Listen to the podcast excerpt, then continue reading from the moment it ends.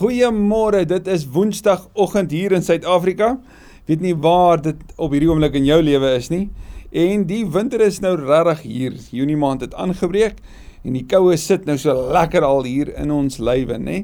Vir die van julle wat dalk in die somermaande is aan die ander kant van die wêreld, baie dankie dat jy ook KSM kies en dat jy tyd maak ook vir hierdie.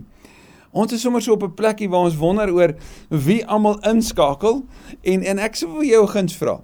Wil jy nie asseblief vir ons 'n e-pos stuur na kommunikasie@ksm.co.za en vertel vir ons waar jy sit wanneer jy hierdie beleef nie. Ons wil net so graag 'n bietjie hoor wat is besig om te gebeur in jou lewe en waarheen neem byvoorbeeld die prediker jou op jou reis met die Here. Gebruik jy dit dalk vir jou selgroep of of saam met jou huismense of is dit vir jou eie reis? Kom deel asseblief net ietsie daarvan ons uh, beloof om om enige vertroulike inligting natuurlik vertroulik te hanteer. Maar ons wil net so graag iets hoor van wat hiermee gebeur want dit is so aanmoedigend nê nee, wanneer ons mekaar kan sê maar hoorie dis wat die Here met my besig is. Kom ek deel dit met jou en dalk kan jy dit met my deel wat hy met jou mee besig is en ons kan mekaar op daai manier versterk en aanmoedig op ons wandel saam met die Here jy dalk vir die eerste keer inskakel of jy nog nie die notas gekry het en jy weet jy wil eintlik meer daarvan daarvan hê, asseblief ek stuur net vir my daai e-pos en ek antwoord dadelik en maak jou deel van ons verspreidingslys elke week. Sjoe, ek dink ons is al hier by die 180 mense wat elke week op daai manier ook die inligting kry en dit dan weer kan deel en asseblief deel dit. Ons is ook so verskriklik opgewonde oor die feit dat dat hierdie nou nie net meer op Facebook gebeur nie, maar op ons YouTube kanaal. So as jy dalk vriende het wat nie op Facebook is nie, maar wat wel YouTube kyk, is jy baie welkom om om die skakel ook aan te aan te stuur en en hulle te nooi om hiervan deel te wees. Ons is op reis met die prediker. Verlede week het ons stil gestaan by by hoofstuk 6, die halfpadmerk as dit ware bereik met hierdie wonderlike, verskriklike relevante boek. Ek wil elke hoofstuk, jy seker al beleef, van dit is natuurlik herhaling, dis op hierdie groot preek van hom en enige groot prediker gaan seker gereeld ook iets herhaal as hy iets wil beklemtoon. Maar hy's elke keer besig om ons wêreld vandag aan te spreek oor die oor die oor die groot sake waarmee ons worstel en die vrae wat hy daaroor vra. En in hoofstuk 6 het hy vir ons kom vertel van van rykdom wat soms nie geniet kan word nie. Wanneer iemand so besig word om goederes bymekaar te maak dat hy nie verhoudings het nie, dat hy nie eers dit wat hy bymekaar maak kan geniet nie want hy's net te besig en uiteindelik word dit wat hy bymekaar gemaak het oorgegee aan iemand anders en die prediker beskryf dit as ellendig. Toe beskryf hy 'n ander persoon wat oud geword het wat natuurlik 'n teken van seën was en van van besondere seën van die Here eintlik in daai tyd en wat baie kinders gehad het wat ook 'n teken van seën is. So hierdie persoon is dubbeld geseën. Maar hierdie persoon word nie eers begrawe nie. Hierdie persoon het nie naby sy mense geleef nie. Hy het nie sy lewe benut om die sin van die lewe te ontdek en te gebruik en daaruit te leef nie. En die sin natuurlik is verhoudings. Die sin is om dit met jou mense te leef. Hierdie persoon was 'n vreemdeling vir sy eie familie en dit is elendig. Dit was beter vir 'n doodgebore babatjie het ons gesien as vir so 'n persoon. So iemand wat nie eers 'n bietjie van die lewe geleef het nie, lyk dit vir my was beter af as iemand wat 'n vol lang lewe geleef het en die vol daarvan was eintlik leeg want die persoon sterf alleen. Prediker leer ons daar in hoofstuk 6 wat jy het is beter as wat jy begeer. Dat ons nie soontoe sal leef nie, maar hier nou teenwoordig sal wees en dit wat ek het sal geniet. Want wat ek begeer sal net nooit tevrede stel nie. Ek word weer honger, ek word weer dors. Dit is uiteindelik nie dat, dat die hinkering na iets meer en iets anders gaan nie bevredig nie. Daar's 'n groter sin en hy pak ons hy pak dit vir ons uit en uiteindelik vra aan die einde van hoofstuk 6 die groot vraag: Wie weet wat hierna gaan gebeur? Want die Nuwe Testament leer vir gelowiges wat hierna gebeur, maar vir Salomo wat nie die Nuwe Testament gehad het nie, was dit sy vraag en ons gaan dit sien in hierdie tweede helfte van die prediker dat hy al hoe meer worstel hiermee. Hierdie groot konsep van maar wat van hierna? Hoe weet ek? Hoe kan ek weet? En as ek dit weet, natuurlik, hoe leef ek nou? So, ons skop af hoofstuk 7, opskrif: Wie wysheid het? En in hierdie hoofstuk gaan ons 'n klomp spreuke kry, soos in die boek Spreuke, waarin Salomo vir ons wysheid net weer uitpak. Eerste ene, vers 1. 'n Goeie naam is beter as reukolie, die sterfdag beter as die geboortedag. En waarna Salomo hier verwys is wanneer hy terugkyk na sy lewe dan sê hy dis so goed om 'n goeie naam te hê. Dit is so goed om te weet dat wanneer die mense van jou praat, dan sê hulle dis iemand wat wysheid geleef het. Iemand wat 'n impak gemaak het. Hy sê dis beter as reukolie nou. Hierdie reukolie is oor die mense se koppe ge, gegooi wanneer hulle by groot bankette aangesluit het. Wanneer jy na 'n belangrike koning se fees toe gegaan het, het jy reukolie gekry. Soos wanneer mense na 'n belangrike partytjie toe gaan en heerlik bederf word met die beste en die duurste. Hy sê goeie naam is baie beter as as dit en dan die sterfdag beter as die geboortedag. Want wanneer jy 'n lewe van wysheid geleef het en 'n lewe geleef het waarin jy regtig nie net 'n nalatenskap in mense het nie, maar 'n nalatenskap van stories van impak wat jy gemaak het in mense se lewens, dan kan jy terugkyk en sê ek het goed gedoen. Met jou geboortedag weet jy nie wat voor lê nie.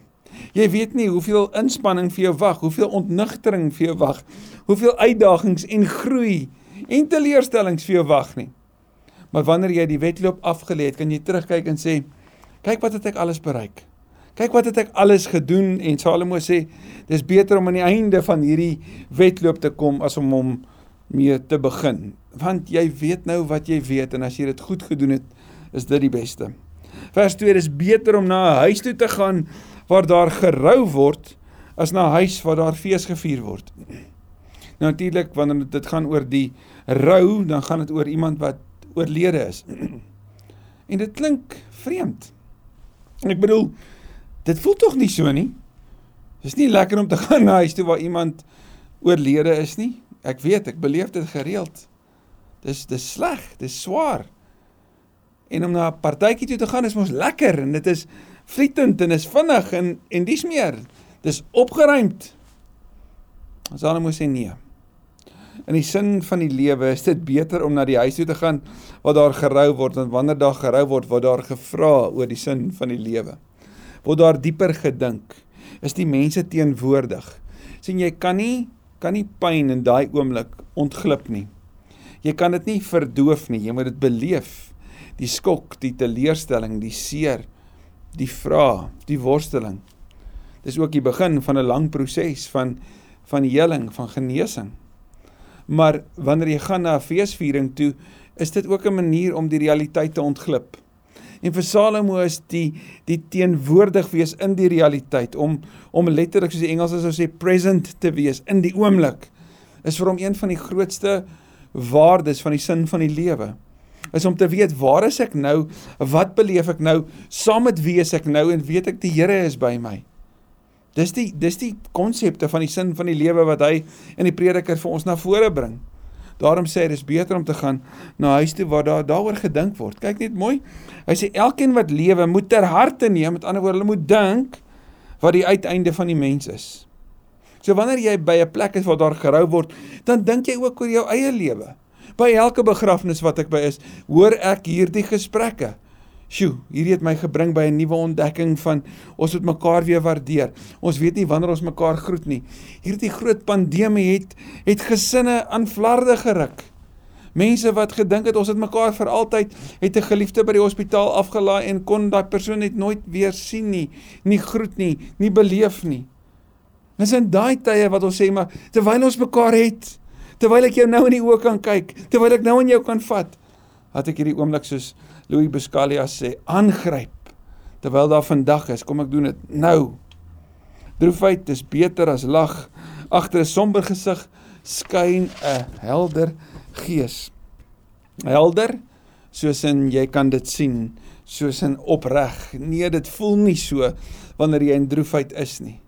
Maar wanneer jy in daai tyd van droefheid is, is jy meer eg as ooit. Jy's meer nader aan jou diepste menswees as ooit, want jy vra vra oor hoekom en waarom en en en jy dink na oor waarmee is ek besig? Terwyl wanneer jy vol vreugde soms ronddans, vergeet jy waaroor dit gaan.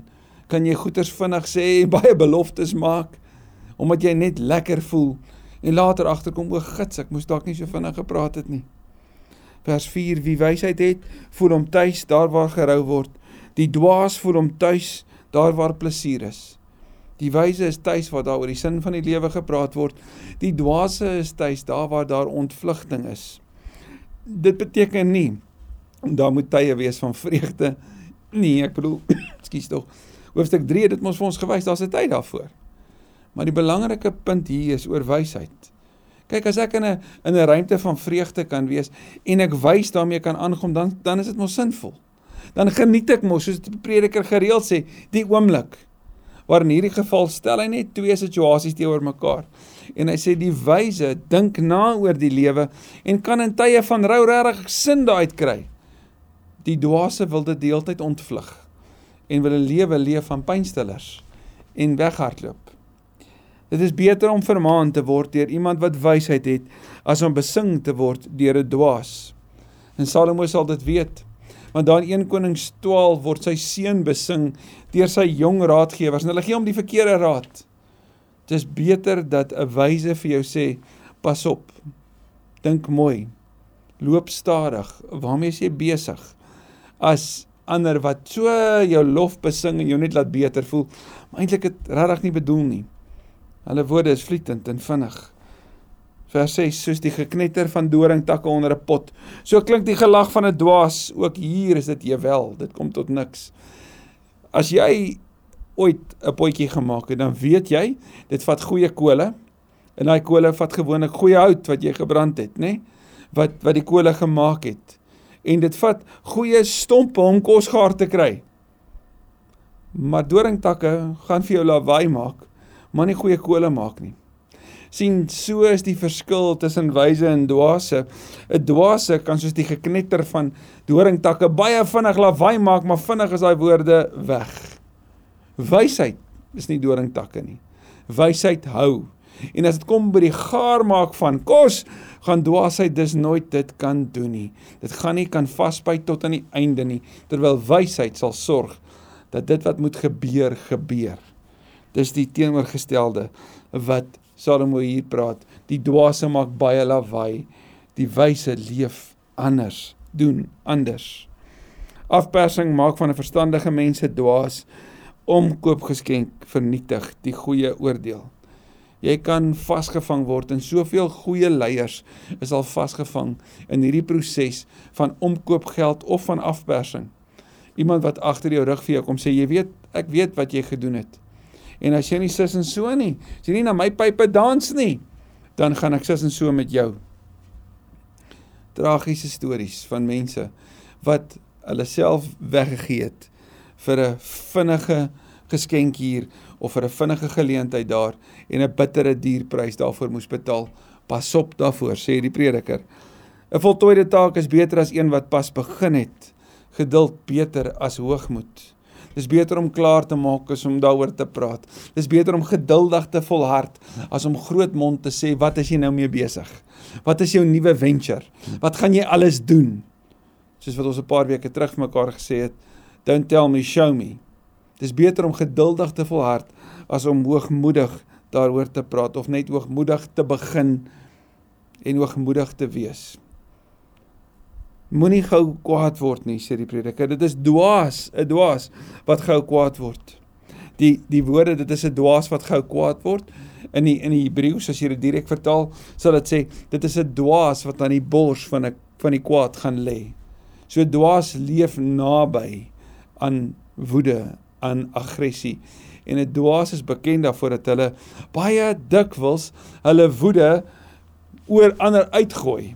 'n Dwaas is bekend daarvoor dat hulle baie vinnig rusie skep. Dit vat nie lank vir 'n dwaas om moeilikheid te maak nie. Maar 'n wyse leef geduldig en so kom Galasiërs 5 my so mooi is die vrug van die gees, een van hulle nederigheid, sagmoedigheid, rustigheid, selfbeheersing, nê? Nee? Romeine 12 sal sal Paulus kom sê maar hierdie lewe wat ons moet leef, hierdie nuwe lewe waarin ons verstand verander het en en waar ons gedagtes verander, beteken ook dat ons selfs ons vyande mooi gaan hanteer. Sodat sodat hulle daardeur kan sien wie ons is. Hulle daardeur kan sien ons gaan nie kwaad met kwaad vergeld nie. Want 'n dwaase word vinnig kwaad. Reageer vinnig en kan vinnig op sy perdjie op haar perdjie spring. Maar die wyse bly geduldig Moenie sê in die ou dae was dit beter as nou nie. Dit is nie uit wysheid dat 'n mens so sê nie. Kom ons stop net vinnig daar. Het jy dit al gesê? Onlangs dalk gedeel? Dalk met jou kinders of jou kleinkinders sê, "Ja man, ons dae het ons dit beleef en ons dae het ons daarom dit gedoen." Sommige sal self sê, "In ons dae het die kerk gesis en die kerk het gesoof en ons dae het die kerk dit so gesing of so gedoen of so gestaan." Is daarom baie beter as nou. Hoor wat sê die prediker? Moenie. Moenie. Punt. Moenie. Dis 'n opdrag. Want die verlange en die terugkyk na die ou dae maak dat ek die Here kan miskyk. Maak dat ek dit waarmee God nou besig is op die manier wat die Here nou sy mense lei, dat ek dit mis. Dat ek dit selfs kan aftrek en verneder en sê dis net nie so goed soos wat dit in my dae was nie. Pas op daarvoor. Pas op vir daai vergelyking. Onthou julle wat sê die Israeliete dan Eksodus 14? Hulle kom by die by die dooie see en en daar's moeilikheid want om hulle is sand en agter hulle is 'n baie kwaad farao en voor hulle is water. En dan sê hulle as ons maar net het as hulle terugdink aan die vleispotte van Egipte en dan dink hulle was vir ons beter daar beter as slawe regtig beter toe jy toe jy waarde gekoppel is aan die hoeveelheid stene wat jy kon maak en kon pak elke dag toe jy 'n uh, uh, menslike slaaf was wat net moes doen elke liewe dag. Regtig, dit was beter. sien ons verf die verlede altyd op 'n manier dat dit baie wonderlik lyk. Maar ons kyk nie na die ander kant daarvan nie. En so ook in vandag kan 'n mens so kyk na die negatiewe dat jy nie die mooi en die goeie en dit wat mee God besig is nou, dat jy dit nie raak sien en waardeer en vier nie. Sjoe. Prediker sê vir ons pas op. En miskien moet ons dit dalk vandag vir iemand gaan bely. Dalk vir mense vir wie jy dalk onlangs gesê het. Joh, die ou dae was dan maar beter as nou. Maar sê skus. Die prediker sê vir my ek moet dit nie doen nie. Wysheid saam met besittings is goed. Dit is 'n voordeel vir elkeen wat leef. En hier in die besonder lyk dit vir my is die agtergrond daarvan wanneer jy besittings geërf het, gekry het om dit wys te spandeer, is dit goed maar dit is wys om in elk geval met ons besittings wys om te gaan want dit lei tot voordeel van ander. Anders kan ek dit net spandeer, net oor my maak en dit mors. En dan is daar niks oor nie. Om wys te wees sê die prediker om nie te mors nie. Wysheid bied beskerming soos geld beskerming bied. Kennis en wysheid verryk die lewe van hom wat dit besit. Wysheid is iets wat niemand van jou weg kan vat nie. Wysheid kan vir jou 'n plek van behoort en van veiligheid gee. Vir mense wat beleef dat hulle nie skuld het nie, dat hulle finansiëel op 'n plek is waar hulle rustig kan wees. Daai mense het hierdie belewenis van van veiligheid en van geborgenheid. Die prediker sê as jy wysheid en kennis het, dan kan jy daai gevoel hê. Kan jy dit weet? En as jy wys is met jou besittings, dan wen jy bo dit. Veral wanneer jy wys deel en dit tot voordeel van ander maak. Kyk na die werk van God. Wie kan regheid maak wat hy krom gemaak het? Ons sien die Here se werk is soewerein. En en jy kan nie verander waarmee hy besig is nie. Wees bly op die dag van voorspoed. En as daar 'n dag van teëspoed kom, sien dit so. En kom ons kyk mooi. Soos die een het God ook die ander gegee, sodat die mens nie sal weet wat vir hom voorlê nie. Hoe goed dat ek en jy nie weet wat môre gaan gebeur nie. Jesus sê elke dag bring sy eie bekommernisse. Maar bo dit, weet dit, die Here wat gee, is die Here wat ook daar gaan wees wanneer jy beleef daar's geneem. Wanneer die die lewe vir my onkant vang. Is dit dieselfde Here wat sê maar onthou mooi, ek was ook die een wat daar was, ek is nou hier en ek gaan weer daar wees. Vir van ons hier en ek weet daar is van ons wat nou kyk, jy beleef die lewe het vir my omgedraai. Ek is aan die verkeerde kant. Ek beleef daar's van my weggevat, daar's met my onregverdig gehandel. Weet ook dit, ook hierdie gaan verbygaan. Ook dit gaan verander. Ons kan nooit op 'n plek wees waar ons sê waar ek nou is en wat ek nou het is vir altyd nie. Maar wat vandag daar is, is môre dalk nie meer daar nie. En hoe maak ek dan? Hoe tree ek dan op? Hoe reageer ek dan? Hoe's my woorde as my situasie dramaties en in 'n oogwink verander? Die prediker sê sien dit so. God weet, God is wie God is. Jy is nie, jy's 'n mens, jy kan nie met hom redeneer nie. So hou hom vas en stap saam met hom. in my lewe wat tot niks gekom het nie. Hoor jy dit? Salomo praat van homself so. Het ek alles gesien. 'n Regverdige gaan onder al doen hy reg. 'n Goddelose geniet 'n lang lewe al doen hy verkeerd. Jy kan meer oor hierdie lees in Maleagi 4.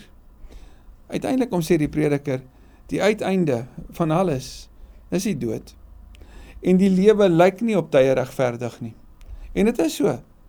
Ek bedoel daar's baie gelowiges wat worstel met die feit dat Here maar ek doen reg en ek bid reg en ek lees reg en ek gee reg. Maar as ek na my lewe kyk, dan voel dit swaar. En as ek kyk na ongelowiges, dan lyk dit maklik en en en so lekker en sonder moeilikheid. Dit voel net nie reg nie. Wat sê die prediker? Moet jou nie daaroor kwel nie. Fokus jy op die Here. Leef jy wysheid en doen wat reg is. Want sien wat sê hy in vers 16? moet jou nie te regverdig hou nie. Hoor jy? Moenie oordelend wees nie. Moenie moenie jy die regter wees nie. Moenie dink jy's te regverdig nie.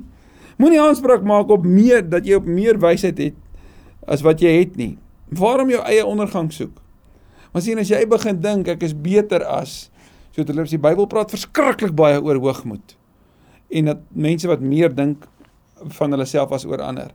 Dis 'n groot sonde waaroor ons baie min praat en baie min oor reflekteer wat ons baie meer nodig het. As ons begin dink ons het hierdie status en hierdie posisie en ons is so belangrik en mense moet so opkyk na ons. Pas op. Want hoor hierdie, waarom jou eie ondergang soek? So moet ook nie dink jy weet beter. Jy weet alles nie want jy's 'n mens. 'n Stofmens. Dis nie wys om so te praat nie.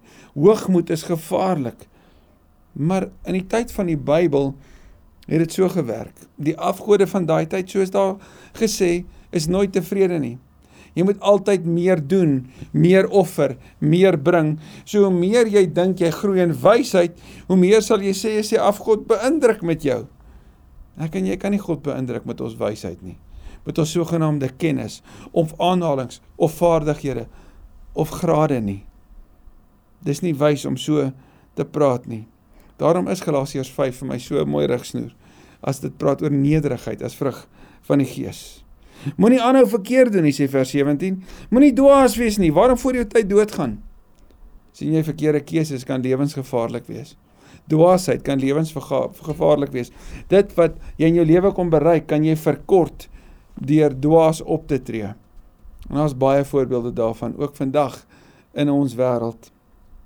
Dit is goed dat jy aan die een vermaaning vashou en die ander ook nie laat los nie, want hy wat vir God dien, gehoorsaam albei. In Eksodus 20 is daar hierdie 10 gebooie. Hierdie manier van nuut leef, van anders leef wat die Israeliete sal onderskei van die godsdienstiges en die van die van die van die godsdienste van hulle tyd en van die volke van hulle tyd. Om sê, dis hoe julle leef, dis hoe julle praat, dis hoe julle verhoudings lyk, dis hoe julle optree en dis hoe julle rus. Julle is anders. En en hierdie sien ons dat die prediker kom sê, maar jy doen beide. Jy sê nie net ek doen net dit en ek los hierdie nie. Nee, 'n wyse lewe is om aan albei gebooie vas te hou en alles te doen. As ek nou sou dink aan hierdie twee gebooie, dan natuurlik kan ons kan ons bietjie dink aan aan die grootste gebooie wat Jesus vir ons leer, net daar Matteus 22 vanaf vers 35 tot 37 om God lief te hê bo alles en ons naaste soos onsself. sien dit is hoe toewyding lyk. Dat ek volledig toegewyd aan die Here is en alles gehoorsaam. So as hy ook die gebod gee wanneer hy sê moenie moenie van jouself meer dink as ander nie, sê dit sê doen dit. Gaan lees meer oor die radikale grondwet van Jesus daar in Matteus 5 tot 7. Wysheid gee aan die mens gee aan die wat dit het meer mag as wat 10 maghebbers in 'n stad het sien want wysheid soek nie soek nie mag nie. Wil jy hierdie gaan toets hierdie hierdie hierdie spreek van Salomo?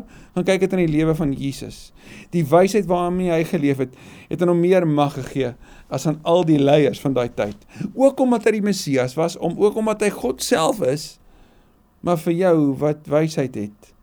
Dit gee vir jou moontlikhede, vaardighede meer as wat 10 maghebbers het. Daar is geen mens op aarde regverdig nie. Niemand wat net goed doen en nie sondig nie natuurlik behalwe Jesus. Maar geen mens nie. Wat sê Romeine 3:23? Almal het gesondig en as ek een van hierdie mense is wat ek natuurlik is, moet ek tog nie dink ek is so belangrik nie. Ek hoop dit bevry jou soos wat dit my bevry. Ek hoop dit spreek jou aan soos wat dit my ook aanspreek. Moenie dink jy weet meer nie. Erken liewer dat jy stof is. Erken liewer dat jy gebroken is. Gebroken vanweë sonde, dat jy stoei met goed. Dat jy nie altyd alles reg kry nie, dat jy nie altyd 'n antwoord het nie. Want jy hoef nie. Jy hoef nie altyd reg te wees nie. Jy mag maar jammer sê ensovoorts. Moet jou nie steur aan alles wat gesê word nie. Dan sal jy jou dit nie aantrek as jou slaaf jou verwens nie. Dis belangrike nuus moet nie alles glo nie, moet jou nie steur aan alles wat gesê word nie, want soms praat mense uit emosie uit. Daar's soms mense wat goed vir my stuur of vir my sê wat seermaak en as ek verskriklik lank daarmee worstel, gaan dit al my vreugde steel. Dan gaan ek nie fokus op die aanmoediging op soveel ander plekke wat 'n mens kry nie. So ook vir jou pas op dat dat dit wat jy so fyn gevoelig is voor dat dit jou vreugde steel. Jy weet hoe baie keer jy self ander verwens. So die prediker sê jou eie emosies fluktueer. Vat maar net die verkeer en kyk hoe jy daarin soms belewennisse het. As dit met jou gebeur, is dit wat iemand anders ook doen. En as hulle soms goeie sê teenoor jou, dis dit uit 'n plek uit van seer of of teleurstelling of wat ook al, moet dit jou nie te veel aantrek nie. Want nes jy is hulle ook maar net mens. Ek het alles met hulp van wysheid getoets, sê die prediker. Ek wou wysheid bekom, maar dit het, het buite my bereik gebly. Ek was honger daarvoor. Die betekenis van wat gebeur het lê buite bereik, baie diep. Wie kan dit vind?